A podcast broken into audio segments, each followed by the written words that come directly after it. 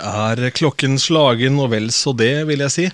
Eh, vi har en late night recording i dag, Anders Tangen og undertegnede. Og Anders Tangen han har plassert seg selv i boden og kaller seg for Reven. Går det bra, spør jeg igjen. Det går veldig bra, eh, men det var akkurat nå så Uh, var det ikke så lett å snakke litt sånn entusiastisk og engasjert hjemme i huset, fordi at uh, folk la seg liksom så veldig tett opp til dette opptakstidspunktet. Uh, så det er svigermor og datter og kjæreste i et lite rekkehus. Det hadde kanskje gått, men jeg tenkte nå prøver jeg å sette meg ut under boden her. Jeg hører av og til på Aftenpodden, og der er det ei som sitter inne i et klesskap og spiller inn podkast. Så podkast er et sted hvor veldig mange setter seg eh, eh, på rare steder da, for å gjøre innspillinger. Nå, nå, trodde jeg du var på vei til å si jeg sitter ofte her i boden og hører på Aftenpodden, for da hadde det vært enda rarere enn hva vi alle tror du er. nei, nei da, det er ingen fare med det, men, men, grunnen til at jeg kaller meg for Reven, eh, det er ikke at jeg sitter ute i boden her og romsterer, så folk liksom lurer på om det er innbrudd i nabolaget her. Det er ikke det. Nei, grunnen er at jeg glemte å fortelle det i går, men det gjorde egentlig inntrykk på meg.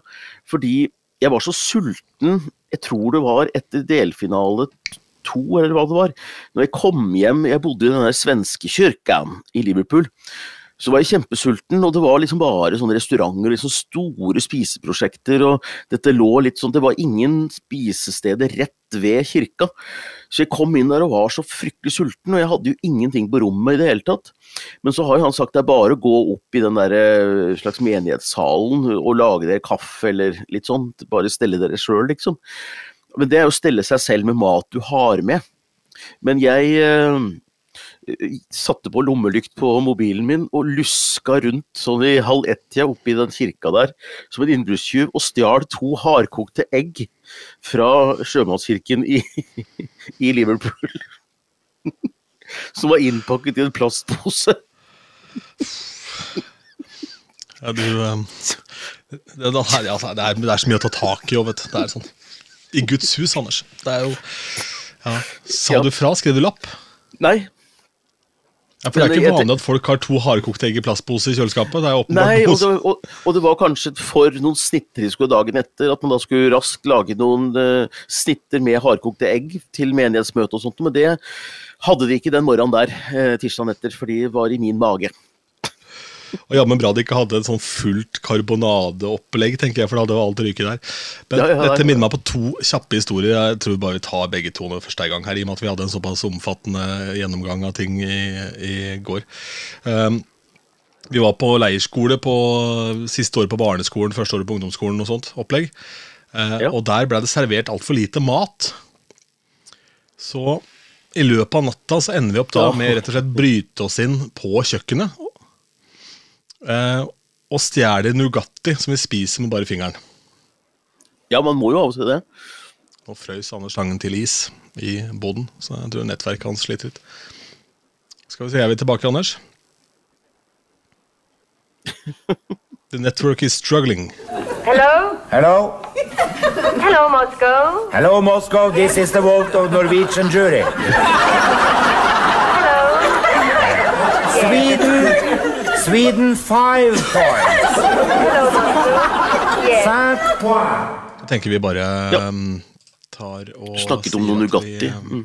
Ja, vi holder på her vet du, med Nugatti. Midt i min kjempespennende story om å stjele Nugatti midt på natta, så driver du og mister nettet. Det er jo helt uakseptabelt. Ja, eh, det er helt uakseptabelt. Nei, I hvert fall altså bryter vi oss inn der, og det var jo ikke eh, på noe tidspunkt snakk om å få i seg noe mat, egentlig. Så vi endte jo bare opp med fire bokser Nugatti som vi spiste da med fingeren.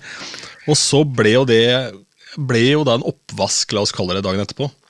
Men da følte jeg hadde en jævlig god sak, fordi alle gikk rundt og var sultne. Det var sutring hele tida, ikke sant? Mm. Eh, over at folk var sultne. Så jeg må i hvert fall fòre barn som driver og vokser og alt mulig. Det er jo der hadde jeg også en skriftebu for øvrig, der, for det var en badstue som ikke fungerte. Og så av en eller annen grunn så det var da noen kjæresteparopplegg som ikke fungerte noe særlig. Så endte jeg opp med å snakke først med han gutten, og så snakka jeg med jenta etterpå. Så jeg blei en sånn, en sånn rådgiver. Oh, ja. ja, men Så bra, så du satt rett og slett inne i en bod, sånn som jeg gjør nå litt, på en måte, og var en sånn skriftefar? Ja, ja, jeg følte det, da. Så, eh, men det var jo ingen, det måtte ikke ta noe Hail Marys eller noen ting. Det var egentlig bare Jeg prøvde å gi gode råd, da. Og ja. Det fungerte vel sånn halvveis. Men uh, nummer to, da, når vi snakker om, uh, snakker om å stjele mat, uh, hva var det for noe da? Um, eh, natta Skal vi se, glemte jeg den, da. Ja. Faen. Nei, men det, ja. det var en langt bedre historie, nemlig. Å ja. Ok, nei, men det var jo veldig Nei, trist. Vi får ta det Men i hvert fall så har du drivet og stjålet av menigheten, hvor du har luska til deg noen pølser der, da. Ja. Nei, eh, egg. Egg var ja. Egg var ja, stemmer det. Mm. Ja, to hardkokte egg. Ja, ja, ja. Pølse skal jeg ikke ha på meg. Mm. Nei, nei det, var, det var ikke du som tok de, nei. Nei, nei, nei. Men, men, men det er klart at jeg følte meg som en rev da, når du lusker rundt og, og liksom eh, Og så hadde det, det hadde vært mye mindre mistenkelig hvis jeg hadde satt på lyset med lysbryteren, istedenfor at naboer og andre nå ser at det, det er en sånn lommelykt som beveger seg eh, liksom opp i den der salen der, da.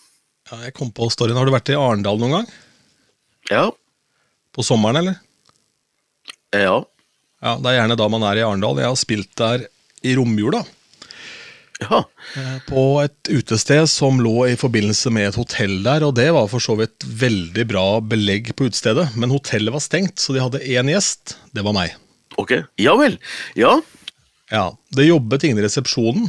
Det jobbet ingen på kjøkkenet. Det var bare meg. Nei. Så hvorfor er det da på hotell? Du kan like gjerne bodd på Nei, det, Hytte. hotellet lå rett ved siden av nattklubben, så det var Ja. på en måte bare å gå inn okay. en dør, ikke sant? så hadde jeg et sted å bo. ja, ja. Det var altså så rart, for da går jeg fra mitt hotellrom, eh, bestiller meg en pizza på døra, går ned i baren, tar et par flasker øl. Jeg skrev lapp. Eh, Ja, ja. Og da på morgenen så skal jeg spise noe mat. Da går ned i en sånn matsal hvor det er plass til 150 stykker, kanskje. Sitter alene og leser i Danseglade mens eh, det rusler noen forbi. Eh, og så steker jeg mitt eget brød i en sånn megasvær industri, industristekeovn som går nei. på vann. Fantastisk! Ja, har du gjort dette før? Altså det, å, det å liksom betjene et sånt uh, storkjøkken er jo ikke noe som man bare gjør helt enkelt. Nei, det, jeg ante jo ingenting om det, men det begynte å frese og styre noe fælt med den maskinen. Og så tenkte jeg, det, hvor gærent kan det gå? Og så I verste fall så går brød til helvete, og så får jeg ta strømmen etterpå. liksom. Det ikke, men det ble ganske bra. Det er faktisk en halvstekt brød i den maskinen. Ja, Fornøyd ja, jeg skjønner. Jeg angrer litt på at jeg ikke stekte noe i kirka. Det hadde vært gøy, det også. Ja, du skulle hatt med kokkekostyme du hadde fra Malmö. Ja, ja, jeg vet det. Å, herregud, det er jo helt nydelig. Ja. Men eh, det er jo eh, Du som eh, Eurovision-entusiast må jo være kjempefornøyd med all oppmerksomheten nå fra fjern og nær, og alle mener om Eurovision nå, plutselig. Ja, sånn, ja, Selv om det, det, er, det er mye surr, da, men altså, det er jo gøy. Ja, ja, det er veldig gøy. Og jeg Liksom han Han fra Venstre som hadde vært liksom til stede, går ut, raser mot Eurovision, ikke sant. Og stortingsrepresentanter gjør det, og lederartikler i VG skriver om dette her. eh, som det største selvfølgelighet. Stem ut juryen, er det politiske budskapet fra VG i dag. eh, På, på, på lederplass, altså. Det er det liksom redaktøren har funnet ut. Hva skal vi skrive om nå, når vi, når vi nærmer oss Ukrainas storoffensiv i Ukraina? Jo, vi skriver om at juryen Og, og jeg, jeg koser meg veldig, men jeg har også, det det skal si seriøst, at jeg har stor respekt for vanlige fans og andre som er genuint frustrert over at Finland, som var folkefavoritten, ikke vant pga. juryen. Altså, jeg, jeg skjønner det engasjementet så godt, og, og jeg elsker at folk som ellers ikke tar kontakt med meg om Eurovision, kommer og sender meg meldinger, skriver kommentarer og faktisk går inn i dette her, fordi det betyr jo at de syns dette her er viktig, de syns at det er gøy, og når det de opplever som urettferdig skjer, så får de et slags sånn rettferdig sinne og en slags harme, da.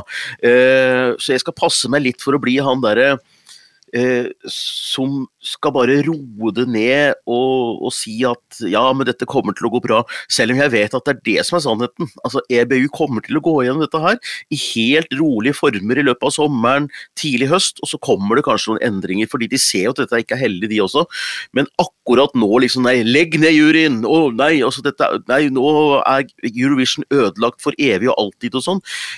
Det er ikke noe grunnlag å ta noe beslutning på. Men debatten nå, det er veldig morsomt. Cato Martin Hansen, en av de tidligere presidentene i Grand Prix-klubben, skrev en kronikk i dag. Det er gode grunner til å beholde eh, juryen. Og så har motstandere, da, liksom han Sondre i Venstre, som mener juryen må bort. og Nei, og jeg koser meg. Det eneste Jeg har ikke skrevet noen kronikk ennå. Jeg har ikke gått ut og meint noe så veldig. fordi at jeg, jeg mener egentlig ikke så veldig sterkt om det. Altså det er et eller annet, så Noen ganger så er det juryen som får rett, andre ganger er det folket som får rett. Men det vi, det vi har sett, da, det er at EBU gjør endringer fortløpende, og det kommer til å skje denne gangen også. så jeg, jeg, sitter og nyter denne oppmerksomheten rundt Eurovision og ser at eh, det må da bety noe for folk når det er så stort engasjement som det er nå rundt omkring i, i hele verden. Det jeg tenker er, Det er akkurat som Se og Hør. Var, folk leste jo bare det hos tannlegen, så solgte det sånn 250 000 X i uka, eller 500 000, eller hva det var for noe.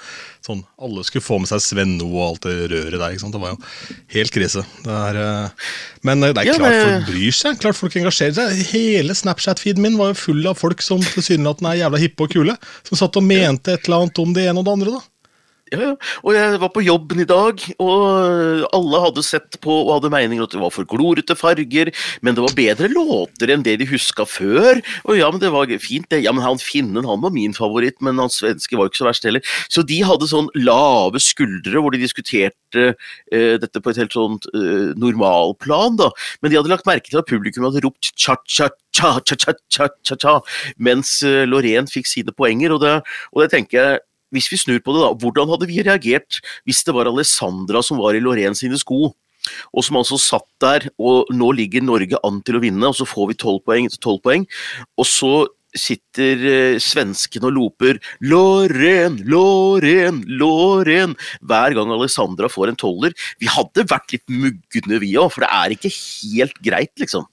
Det er ikke helt greit, men samtidig så er det, det er tri tribunekultur. Altså, ikke sant? Eh, Jeg var jo Jeg måtte jo være på Åråsen blant Kanarifansen da vi skulle gjøre festivaler i Lillestrøm, for de var, kjente jo ikke meg fra før. Ja. Så jeg måtte motbevise at, eh, at jeg ikke var Vålerenga-fan, for da hadde det blitt vanskelig ikke sant, å forholde seg til meg. Så da var jeg og så LSK mot Start, og da er det jo en fyr som åpenbart har jævlig vondt. da, Han har tråkka over eh, på sidelinja der, og da står det liksom 500 mann og skriker 'La han dø!'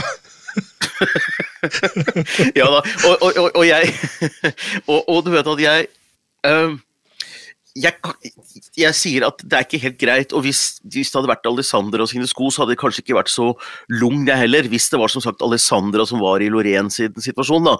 Men det er hun ikke, så jeg kan se på det utenfra.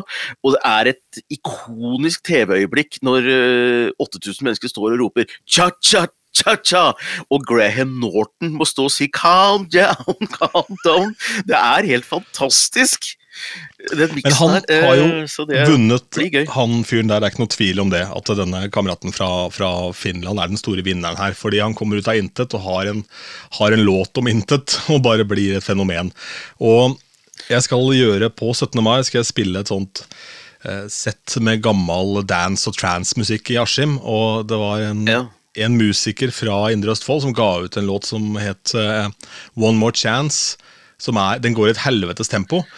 Og jeg vurderer å avslutte hele kvelden med cha-cha-cha, for den er jo jævla kjapp. ikke sant? Uh, Ja, bare, for å. Mm. ja, bare for å finne på noe der, altså. Fordi uh, da tror jeg det hundene til folk kommer til å sprenge. Det tror jeg, og det er, det er helt riktig. Det er dette som har blitt fenomenet. Og jeg eh, fikk liksom Samboeren min sendte bilde av seg sjøl eh, før finalen, hvor hun hadde tatt tatt noe papir foran tenna, sånn at hun hadde sånn, akkurat sånne hvite tenner som disse danserne til eh, Kerja har. eh, disse absurde rosakledde danserne med helt kritthvite tenner. Det er så gøy, og dette kan folk kle seg ut som. og og det er jo ikke så mange som kommer til å kle seg ut som Lorén og dra ut og danse. Eh, den er populær, den låta til Lorén også. Ligger over eh, Kerja sin cha-cha-cha på eh, strømmelistene. Men det er som du sier, Kerja er fenomenet. Og jeg, det som slo meg, er at eh, Verka Sedurka i 2007, hun med den der eh, stjerna på huet og sølvdrakt, som sang Lasha Tumbai, eh, hun, kom, hun ble også nummer to det året. man husker jo nesten ikke at det var eh, eh, Ja, husker nesten ikke at det var Molitva som vant, ikke sant, fra Serbia.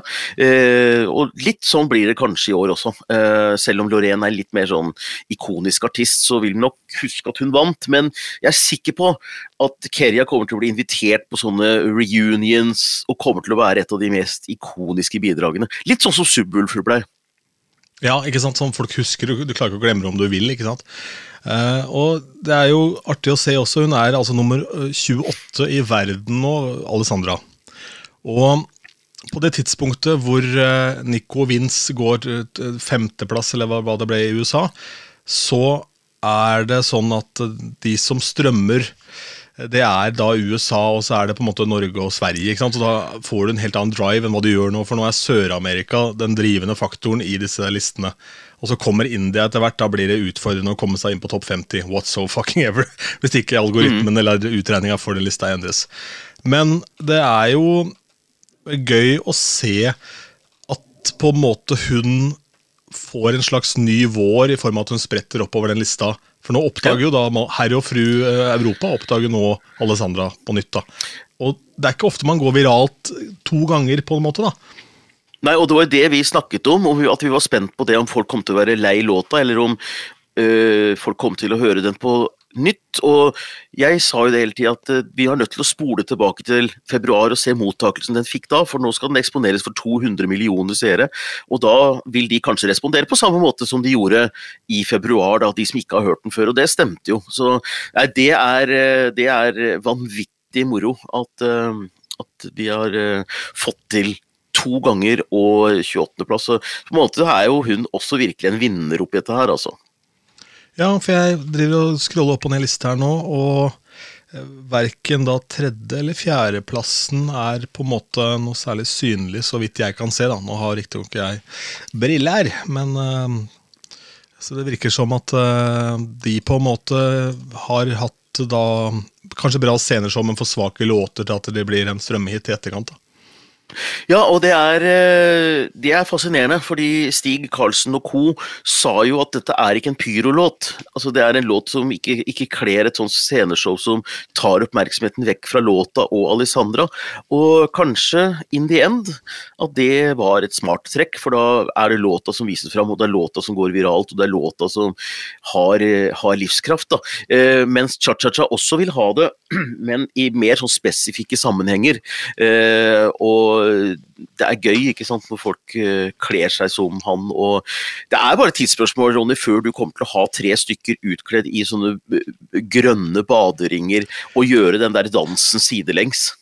Jeg gruer meg til halloween, for å si det sånn. Det blir et helvete. Det er, eh, men, uh... Ja, men halloween, da må du kle deg ut som Lorraine, da. Altså Med disse her svære klørne. Jeg vet ikke om jeg fortalte det før, men svigermor DJ under bordet. Ja, ja, ja. Ligge der. Eh, nei, svigermor, eh, jeg håper ikke jeg utleverer henne for mye, men hun syns faktisk at det nummeret er litt ekkelt. med Lorraine. Ja, litt guffent, ja. Hun syns at det ser ut som et sånt dyr som skal komme og ta deg, som krabber ut av den der toast- toastjernet. Det er ikke noe rart, liksom- det, da, med de lange kløra. Jeg hadde ikke lagt merke til det. Nei. Jeg har ikke sett det der, ja. Nei, nei, det er kjempe- det er det- det er typisk sånn der barnefilm, skummel heks, så kommer ei kjerring med lange sånne negler som vokser. Nei. Ja. Ja, ut av vaffeljernet, liksom. ja, det er, det, er jo, det er jo Hva heter den derre uh, Ratatouille, dette er Ja, ja, ja, ja, ja, ja, ja, ja, ja, ja, ja, ja. ja ja, ja, ja, men det er Ratatouille det. in hell. Det er det. Å, det er fantastisk. det er fantastisk. Vi har snakka eh, litt grann i poden her om eh, viktigheten av å ha en oppfølgersingel, var primært i forhold til at Måneskin hadde en eh, i kanonen. Jeg er litt sånn overraska over at ikke flere store artister kynisk bruker MGP og Eurovision som et utstillingsvindu for en låt. Hvis man på en måte har en pakke som For i 2023 så fins det nok markedsdata til at du veit hva som på en måte vil fungere hos eh, den gemene hop. Og så har du en sånn ny kanon etterpå, så har du da for alvor liksom satt deg som artist, da, hvis du har en oppfølger. Det er jo det ultimate. Eh, og grunnen til at jeg kom på det her, var at eh, bandet Savage Garden de hadde sendt sin debutplate, demoen på den, som ble det ferdige produktet, var sendt til alle plateskapere i hele verden. Absolutt hele verden takka nei. Og Der var det en global smash med Truly Madly Deeply. Og det var en fuckings oppfølger med To the Moon and Back. Og det skjer aldri at du har to. ikke sant? Nei. Ja, ja, Så da endte det opp med at en bookingagent i eh, Australia starta et plateskap bare for å gi ut det, for det var for jævlig at ikke verden skulle få høre disse bra låtene. Ja, Så de ja. eier samtlige rettigheter til sin egen musikk, eh, og har da vassa i penger, selvfølgelig, pga. det her. For de blir jo spilt på radio én gang, ja, kontinuerlig 365 dager i året. 24 timer i døgnet. Men, men tenker du da at de skulle bruke Eurovision til å lansere den første, eller, den, eller oppfølgerhiten? Nei, den første. At, men at du vet ja. at, at det er en såpass kynisk plan. altså Du kan jo ikke vite at det blir en hit, men samtidig kan du vite det litt. Fordi Mm. du ser hvordan landskapet går, og hvis du har de riktige menneskene ja, At ikke typ sånn hitfabrikker som ikke, Om ikke Max Martin, da, så i hvert fall Men de som får hit på hit, da, det er jo oppskrifter på det her. Det som er litt spennende nå, syns jeg, det er eh, Keiino, som jo er kjempesvær i Eurovision-miljøet. Eh, og de har en sånn derre hevnhær bak seg. Eh, fordi de mener at Keiino ble snytt for seieren av juryen på samme måten som Kerja nå blei, ikke sant, i 2023. Eh, fordi 2019 så var det jo Duncan Lawrence som stakk av med, med seieren, og det ble en hit, det også. Men mange unner liksom Keiino en slags revansj på dette her, da. Og jeg tenker, med den diskusjonen som er nå om juryer og ikke-juryer, hvis det stemmer ryktene som sier at Keiino har lyst til å være med i MGP igjen neste år, så var det flere som sa til meg at hvis Keiino stiller opp neste år igjen, så vinner de. Fordi at eh, da får du en slags sånn hevn hevn hevnhorde da, av fans som uansett vil backe dem opp og skape et sånt momentum. Og nå skal de i hvert fall, og juryen tør jo ikke annet enn å gi dem poeng, for de tør ikke å havne i en sånn situasjon igjen. Nei, da, da blir det jo Ganna i lengen. ja, ja. Men jeg har et Keiino-spørsmål, og det høres nok veldig lada ut. Jeg har ikke noe imot Keiino på noe vis, men det er kun når de er involvert i Grand Prix at de lager bra musikk. For disse coverversjonene er jo i mine ører overhodet ikke noe ålreit. Altså. Det er skikkelig uh, for meg. Vet du hva, jeg, jeg, jeg, Skal vi si Jeg kjenner dem for godt på en måte til at jeg kan besvare det spørsmålet der. Eh, Men la oss snakke rundt fenomenet. Hvorfor er det sånn at de leverer så jævla bra låter til Grand Prix? og ganske dårlige covere. Jeg er helt enig med deg. Det er så, det er så spinkelt og det er så rart. og sånt. Jeg, jeg vet ikke. Eh, jeg tror at det funker på en del eh, Eurovision-fester i miljøet. At de kanskje ikke har noen ambisjon nødvendigvis om at dette skal bli store hitlåter, men at de, at de fòrer på en måte denne eh, hevnhæren de har, da, som nå egentlig bare lades opp og fòres til å stemme på den kremlåta som kommer i MGP 2024. Det kan jo skje, da. Ja, Jeg fikk forresten, er- jeg, jeg har forresten hørt én låt nå som, som kan ja, Hva tenker du om den teorien, forresten? Ja, den er ikke, Det er ikke dum, den. altså. Jeg er for så vidt enig i det at du holder publikum litt varmt. ja. Men samtidig, hvis du da blir fan og har hørt en av låtene og går inn og skal høre på katalogen, så bare Å, shit, hva skjedde her, liksom? For det er jo en markant ikke sant? kvalitetsforskjell altså på, på Ja, det, Monument og det derre det der, 'Vil ha det i mørket hos meg' i coveren der. Det var helt vilt. Det Det tro- det tror jeg de vet selv også. Nei, jeg, jeg fikk høre en låt der. Jeg ble, jeg ble bedt om å gi tilbakemelding på en låt fra en i miljøet som, eh, som spurte Jeg har litt tro på denne inn mot MGP 2024. Og så spurte han meg hva jeg syntes om dette er ting som kunne vinne Eurovision. Og, og det var veldig gøy å høre på. Altså, det var sånn veldig lett popmusikk. Og jeg, jeg kan vel ikke røpe Jeg kan jo ikke røpe noe da, for da er jeg illojal, men det var veldig gøy, for de hadde tenkt på sceneshowet. Og det var en type sceneshow som jeg aldri har sett i Eurovision før. Det er ting som aldri har blitt prøvd, og, som ville kle den låta kjempegodt. Altså. Det, er, eh, det er gøy, og det virker da som at de kanskje i miljøet også tenker litt visuelt nå. At det er ikke nok å lage låta, du må faktisk ta med det konseptuelle du skal ha på scenen inn i låtskrivingen. Da. For det er ikke nok å bare legge det oppå, for det så vi i år også, at det var jo svære digre show på alle låtene, unntatt kanskje på noen, men eh, Så det er litt det spennende. visuelle er så viktig ikke sant? i dagens eh, samfunn. Alt handler om videoer ikke sant? Eh, i en eller annen form. Og det trenger ikke være god kvalitet heller, egentlig. Sånn, de videoene som filmes fra salen, får jo millioner av visninger, de også. Rett og slett ja. fordi du legger merke til noe. altså du får, Det er en eller annen emosjon du trykker på. Da. Altså, det, eh, musikken alene Eh, Ja, det er jo kanskje det vi ser nå, da. At uh, de låtene som da var mellom Loreen, Finland og Alessandra, de hadde kanskje en bra show slash låtpakke, men en for dårlig låt alene, da.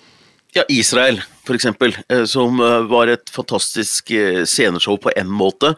Litt vulgært, mener noen. Jeg syns det bare var gøy. Kjør på. Men, men jeg tror ikke den låta kommer til å gå viralt på noen som helst slags måte. Eh, Det kan jeg ikke egentlig Nei, se for jeg for meg. søkte, Nå fant jeg søkefunksjonen omsider her. Jeg har hatt Spotify noen år, men nå fant jeg søkefunksjonen innad i spillelista her. Den er ikke på topp 50 globalt, den eh, låta til Israel. Eh, og så kan vi sjekke da Sjekke Italia. Marco. Nei. Marco Marconi. Nei. Så da er det jo Mar eh, I- jeg Italia har alltid høye strømmetall, så det at de ikke er der, så det at de ikke er der, er egentlig ganske, ganske sterkt. Ja, ikke sant? Eller, det kan- ja, imponerende å ikke klare det, mener du? Nei, nei jeg, jeg, mente egentlig at det er imponerende at alle sammen greier det. det er det du sier. Ja, ja, ja, ja.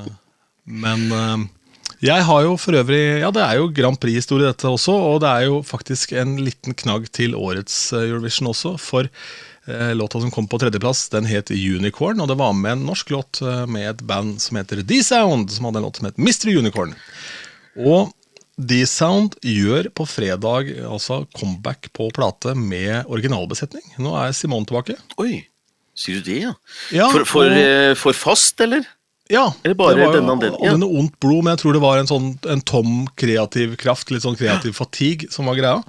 Og eh, denne uka her er jo veldig rar i NRK P1-sammenheng, fordi det er lite folk på jobb, inneklemte dager, så søndagsåpent har et jævla problem da, med å få laget innhold, kan du si.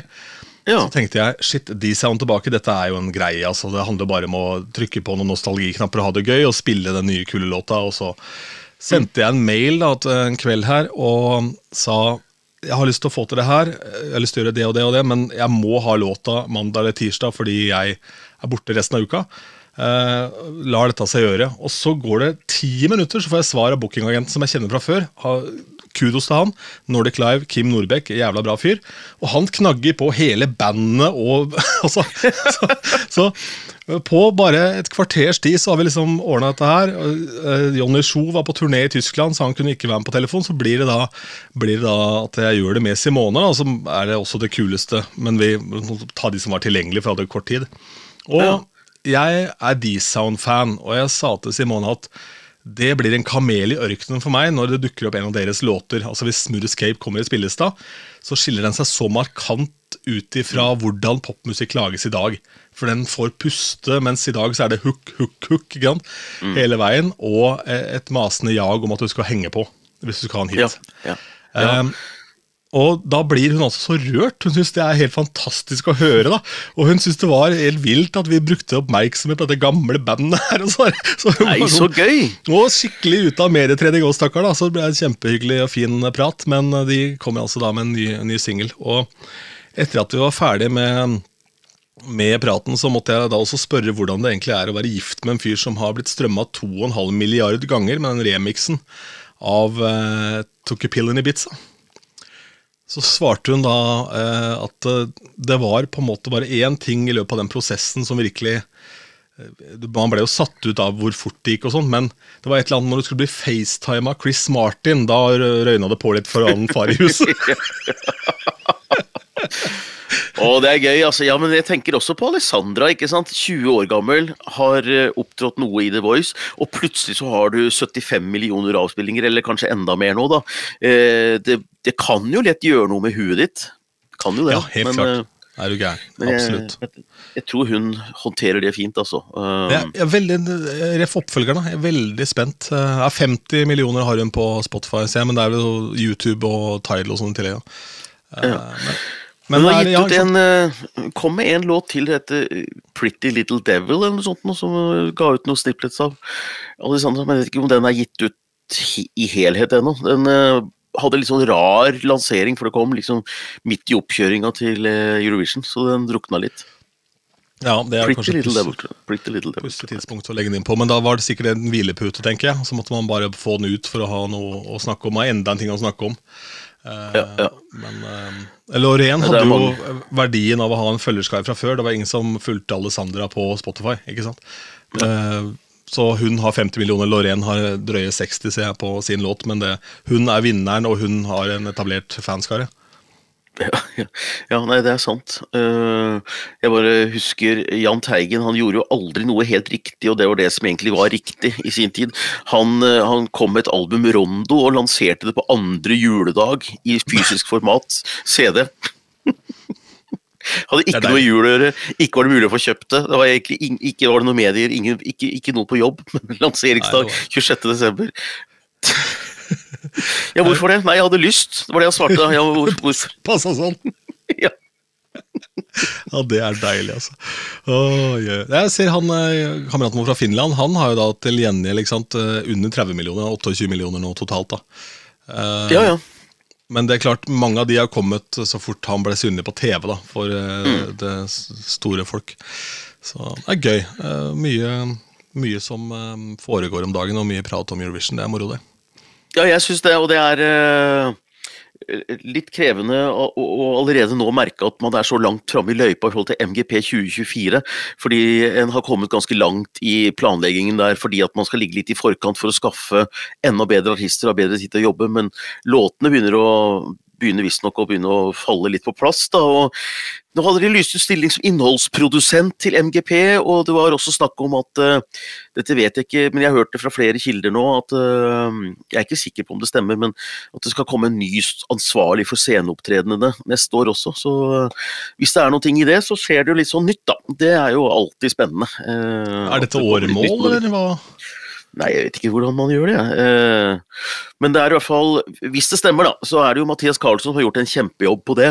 Men han har jo nå tatt over Christiania Teater eh, nede i byen og har jo kanskje litt sånn andre ting å holde på med. Men han har jo hatt denne jobben siden 2008, så det gjør vel kanskje ikke noe å få inn litt nytt blod. Hvis det stemmer, da. Jeg, jeg leste noen ting om det på Insta-stories og hørte noen rykter, så vi får nå se.